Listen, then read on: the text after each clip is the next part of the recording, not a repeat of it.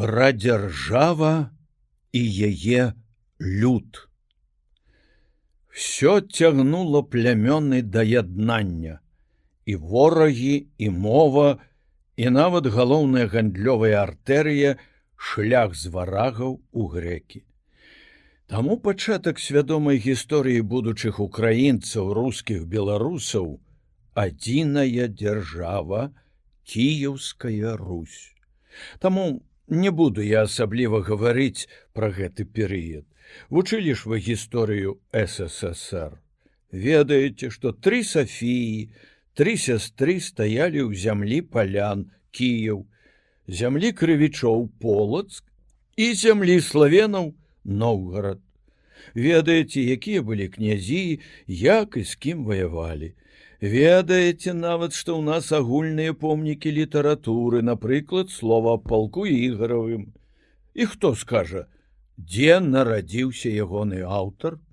У Ноўгарадзе але яшчэ кіркоры сыракомля у мінулым стагоддзі спрачаліся наконт крывіцкіх і дрыгавічанскіх элементаў у слове ясна адно што аўтар слова быў чалавек дужа бывалым Да дробязяў ведаў тапаграфію ўсёй кіеўскай русі аж да таго, што маці Божая перагошчая ў Кіеве стаіць наборычавым узвозам. Што у мінску цячэ невялічкая рэчка няміга? Для абароны ад сквапнага чужынца складалася гэтая агульная наша прадзяржава. Яшчэ больш, умацавала яе прыняцце хрысціянства, а з ім і пашырэнне пісьменнасці, прычым не толькі сярод знаці, а і сярод народа.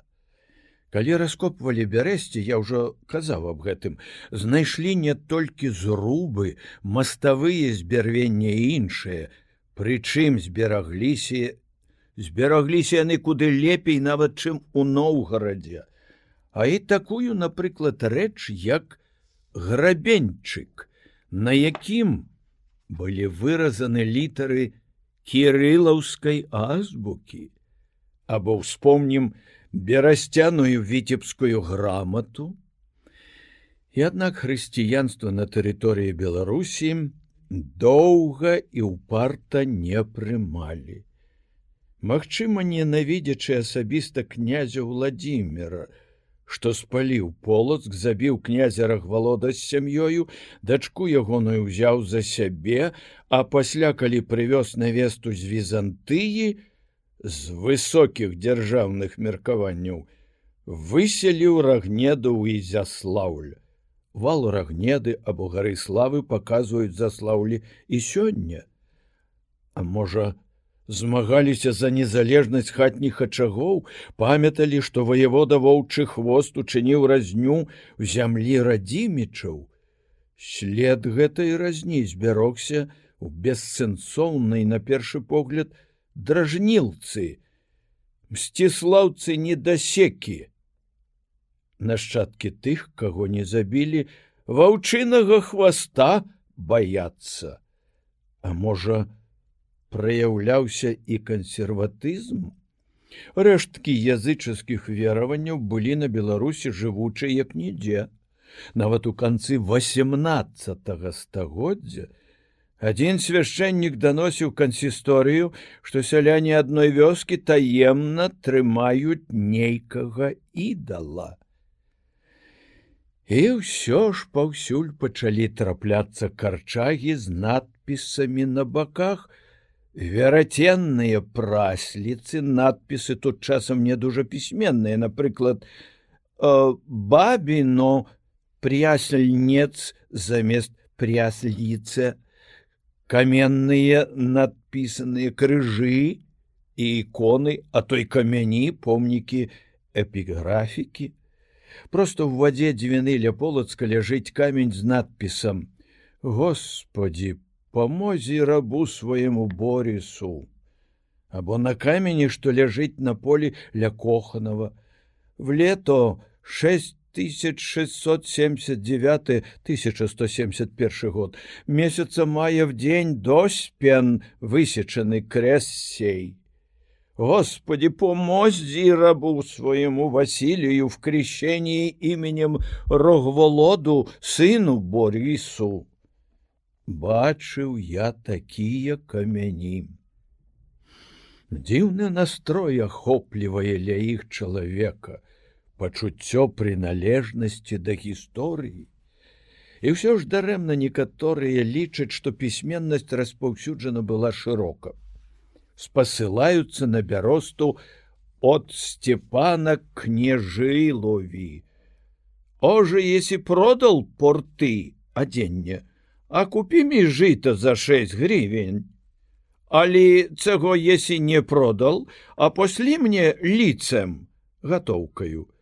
А ли если продал, а добро сотворя укупи ми жыта, кажуць вось мужик вось недарод бедны а пісьменны нішто сабе бедны калі мае адзенне на продаж больш як на 6 грыўняў на 6 грыўняў тады можна было наняць чатырох наймічак тэрмінам на 6 год. Все ж мабыць пісьменныя былі найбольш людзі грашавітыя. Бяднейшыя жылі ў маладых яшчэ гарадах ці па вёсках займаліся рамяством або аралі зямлю сеялі жыта пшаніцу ячменя вёз грэчку. Глупства гэта што завезлі яе ў еўропу арабы в пятнадцатым стагоддзі. Знаходзяць на беларусі скажам у гродні зерні грэчкі значна ранейшага часу. Ды і сама назва звязана на з грэцкім жытам з візантыяй.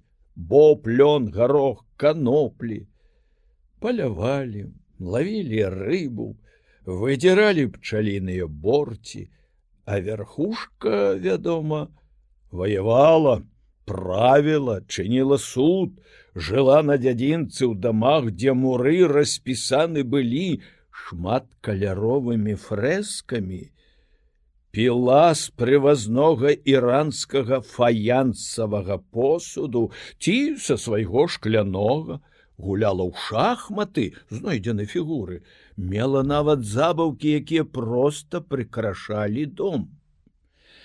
У гэты час з'явіліся першыя пісьменнікі. Літаратура створаная імі гэта яшчэ рэлігійная царкоўная літаратура. Жыція святых паломніцкія падарожжы царкоўныя казані.